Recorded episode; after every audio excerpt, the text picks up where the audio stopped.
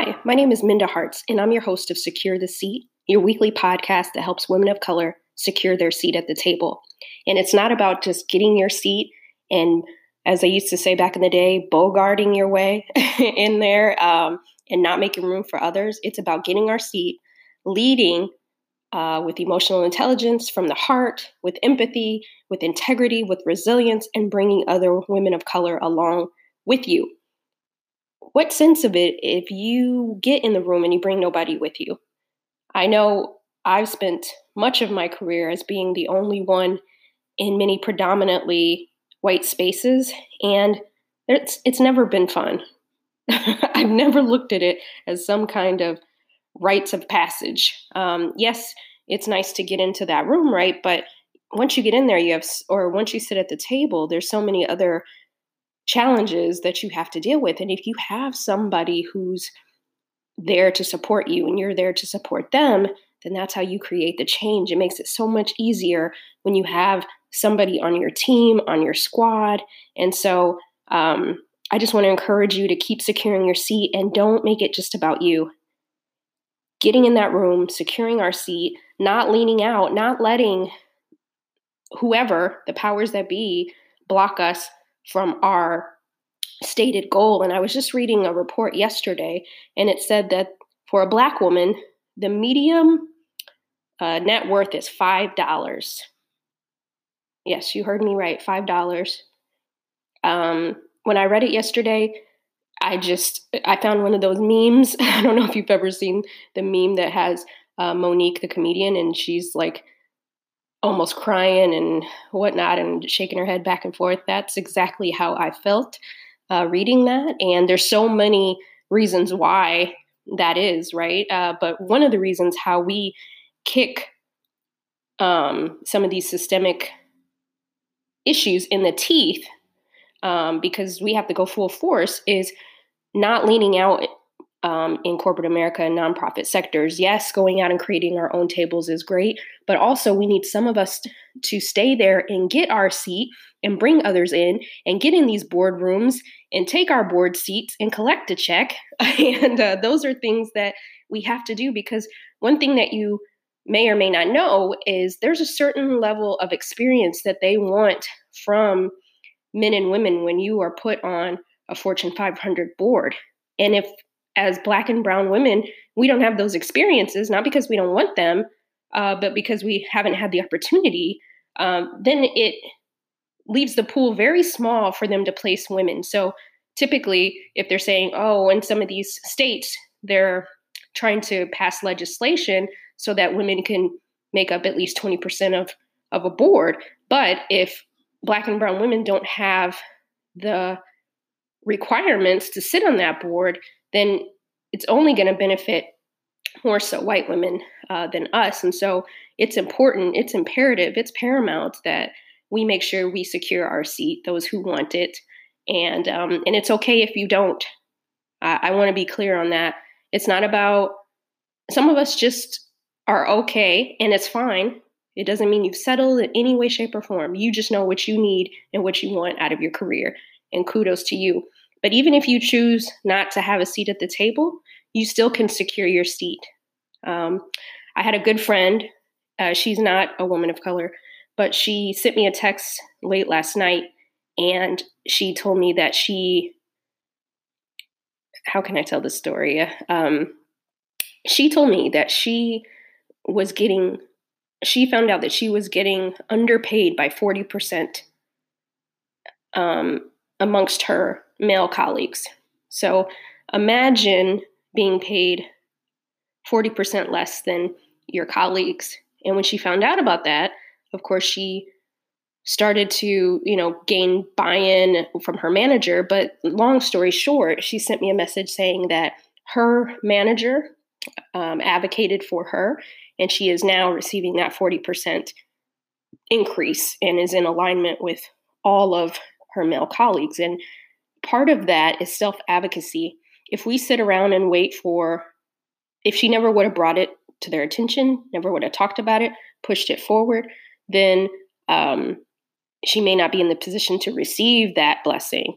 And so I was on a podcast recording the other day that'll air later in the summer, and they asked me, you know, do I have any career regrets? And I said, my biggest career regret is not advocating for myself sooner. I didn't think that I was able to speak up. I didn't think that I had the agency to speak up. I was part of that schooling that told you just get in there and put your head down, just work really hard, and they'll notice you.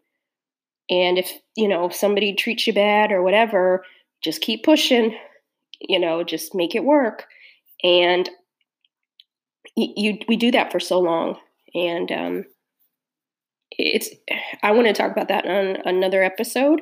Uh, mourning our other careers, mourning our other selves, because sometimes we work so hard to get into a seat, into a room, just to find out that they don't want us there. They never did. And it creates even more issues and problems. And so um, I'm still mourning my former life, my former career in many ways uh, because of the heartbreak. and sometimes, and I'm learning right now that I have to uh, have almost like a funeral for the old me because uh, I can't bring the old me into the new life in that same way. And yes, there's heartbreak and all of those things, but now I'm on to my my next life. And so I just want you to to think through um, just because we're mourning a certain piece of our career doesn't mean that the afterlife isn't better for us. And so, as you can probably tell, I am doing my heart to heart this week. And if you are a first time listener, welcome to Secure the Seat. I typically interview other uh, dynamic women for the uh, podcast and then sprinkle throughout what I call my heart to hearts. And I talk about things that are on my heart. And so I just want to thank you all, um, always in a place of gratitude that I get a chance to have and record this podcast. I started it almost a year ago, not knowing what I was doing. I was recording out of some Apple headphones, not even pods, uh, wireless pods, just some regular Apple headphones. Um, my big brother Stephen told me about this platform called Anchor, and that's what I uh, record Secure the Seat with. And a year later, I finally have some good headphones and a microphone. Trying to level up for y'all. Uh, so I just want you to know that you don't have to have everything to produce uh, what the world needs from you, and you keep getting better. You keep securing your seat each and every time uh, to level up. So, again, I just thank you for listening, sharing, uh, reaching out to me. But most importantly, if you have not had a chance, I know many of you retweet and share and you tell me that you love the podcast, but I'd love for you to leave a rating or a review. That is a really great signal booster to the powers that be. And today I want to tell you a couple of things, but what's on my heart today is on this 1st of May, happy May. Uh, we got a lot of blessings waiting to fall inside of our lap, uh, changing out our, our mindset. But I want to talk to you about vulnerability. And if you've watched the Brene Brown uh, Netflix uh, special, it's really, really amazing. I'm a big Brene Brown fan, um, have been since I saw the TED Talk many years ago. And I never really I loved her her thesis on vulnerability, and I hadn't yet tapped into what that actually meant for me. I liked the concept, but I didn't understand what that really meant until I started uh, as an entrepreneur. And what I mean by that is, I realized that in order for me to be the best advocate for myself and for other uh, women that identify as women of color and women in general, I have to allow my stories to be told. I have to be comfortable or practice being comfortable, even when I'm uncomfortable, about telling those stories and what that might mean for for people to know what my experiences were like in the workforce. So the ultimate vulnerability for me is having written a book that comes out in August called The Memo What Women of Color Need to Know to Secure a Seat at the Table, which is available on pre order wherever you like to buy books. So I hope you'll support. Uh, but writing that book, I had to get very clear. I had to share some of the heartbreaks that happened to me as I was building my career. Some things that I thought I was over that I wasn't. And as I was still healing, I realized that I had to tell these stories to help other women of color. So when they read this book, when they read the content, they'll finally see themselves through the pages. I had one person uh, who has an early copy of it um, through the publisher, and they said, reading that your book was like reading my personal diary if I had written one during my career time.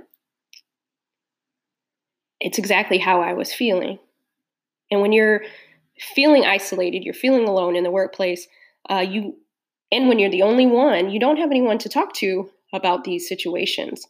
And um, in during those time periods, you you're questioning yourself at every turn. Is this me? Is it them? Is it me? Is it them? It's like this double dutch thing that you're going back and forth in and out of. And I realized that I have to lay it on the line.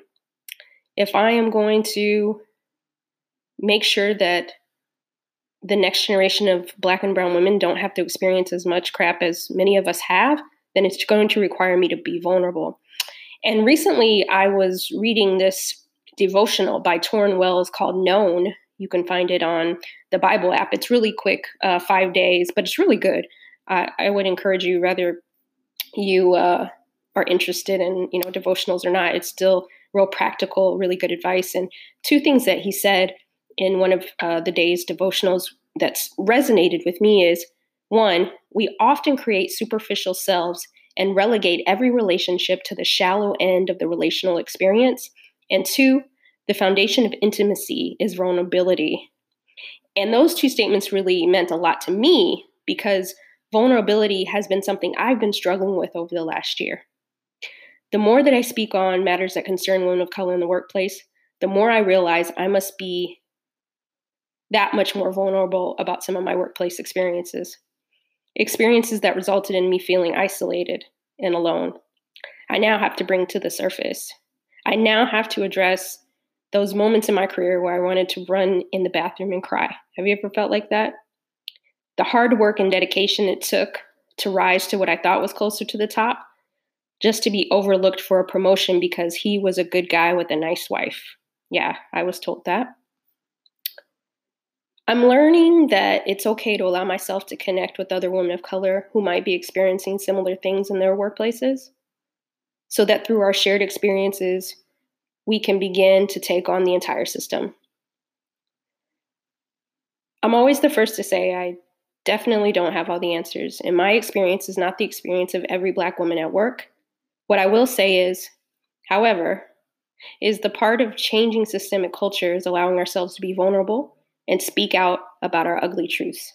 No matter how ugly they are, they are our truths. The intimacy that we share through this community may allow others to stand up and say, Me too.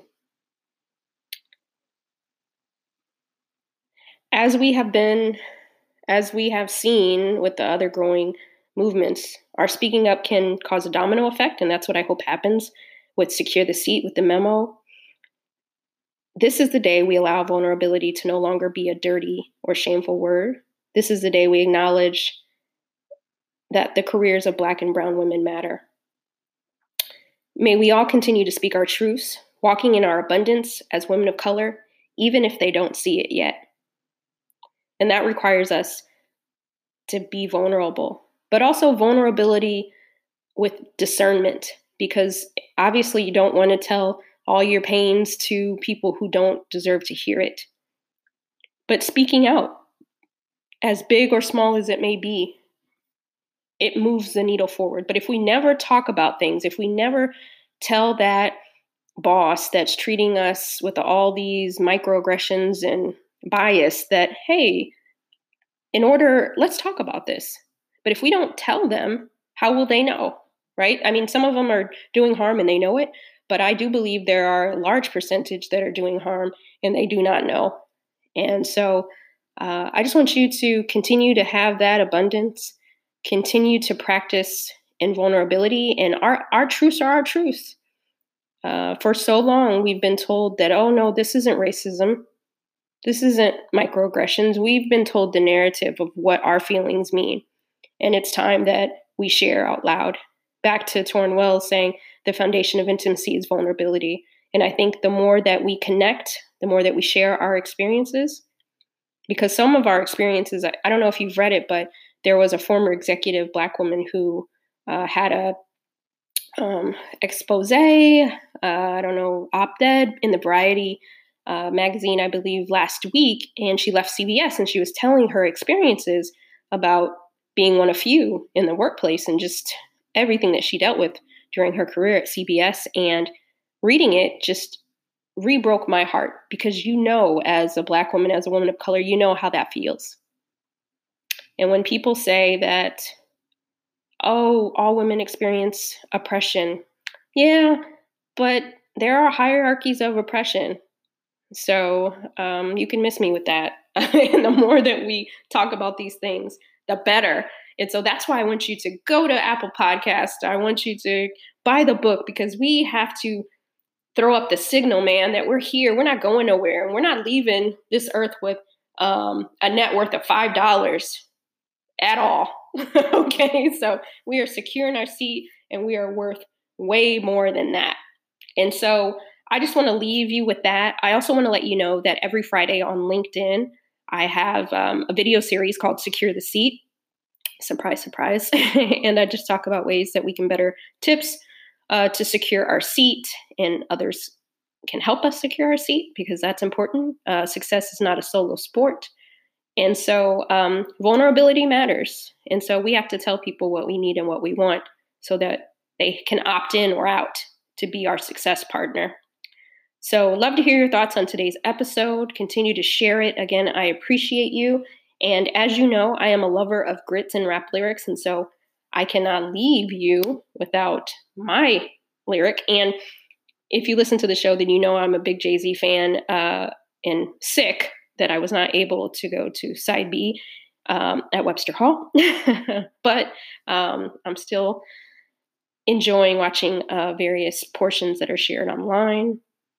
Um, but today, my my other fave is Drake, and I know people have always feel some kind of way about that, but uh, it's it's my truth. and um, he has a song called "Over," and the part that resonates with me is it says, "What am I doing? What am I doing? Oh yeah, that's right. I'm doing me. I'm doing me. I'm living life right now, man. And this is what I'm gonna do till it's over. Till it's over." But it's far from over. And that's just fire, fire, fire, fire, fire. And I'm just doing me. I am trying my best to live authentically. Every day is a challenge because you want to show parts of yourself, right? You want to be authentic, but you don't want to show too much of yourself. That's part of that vulnerability, right? Because you don't want to be critiqued. Um, but if being critiqued means that more women of color get a seat at the table and secure their seat and lead, then I take on the charge. And I hope you'll join me along with that because I can't do it by myself, but I'm just doing me. I'm living life right now, and I'm not going to keep doing this until it's over. And uh, take a listen to that song. Also, the show is called Secure the Seat. And normally I ask my guests, what does secure the seat mean to you? And I think by now you all know what that means to me. but what you may not know is why I decided to call it Secure the Seat. And I decided to call this Secure the Seat because it's one thing to have a seat at the table, but when you secure it, when you lock that mug down, when you lead with purpose, it's not just having a seat at the table, but it's being vocal. It's leading with purpose. It's having, using your authority, using your power, and bringing other people along with us. Because I think for so long, the one, many of us that have gotten in the room, gotten to the table, um, oftentimes it's just that seed. But when we secure it, we hold that down with authority. Kind of back like Game of Thrones, right? When when Arya Stark did that thing at the end, and if you haven't seen it, I'm not going to say it, but when she did that thing at the end, that was all about authority, man. That was all about authority. And so we got to take these seats with authority. And so um, that's all I have for today's episode of Secure the Seat. I hope you enjoyed it. I really enjoy connecting with you. You can find more about what I'm doing at mindaharts.com or the platform that I run with my co founder, Lauren, uh, myweeklymemo.com. I'm most active on Twitter at mindaharts. And then also, if you are in New York City on May 16th, we're having our third annual Women of Resilience Awards, where we honor three women in business, women of color, that is. And it's a time to network with other really amazing women. And we have some great sponsors this year.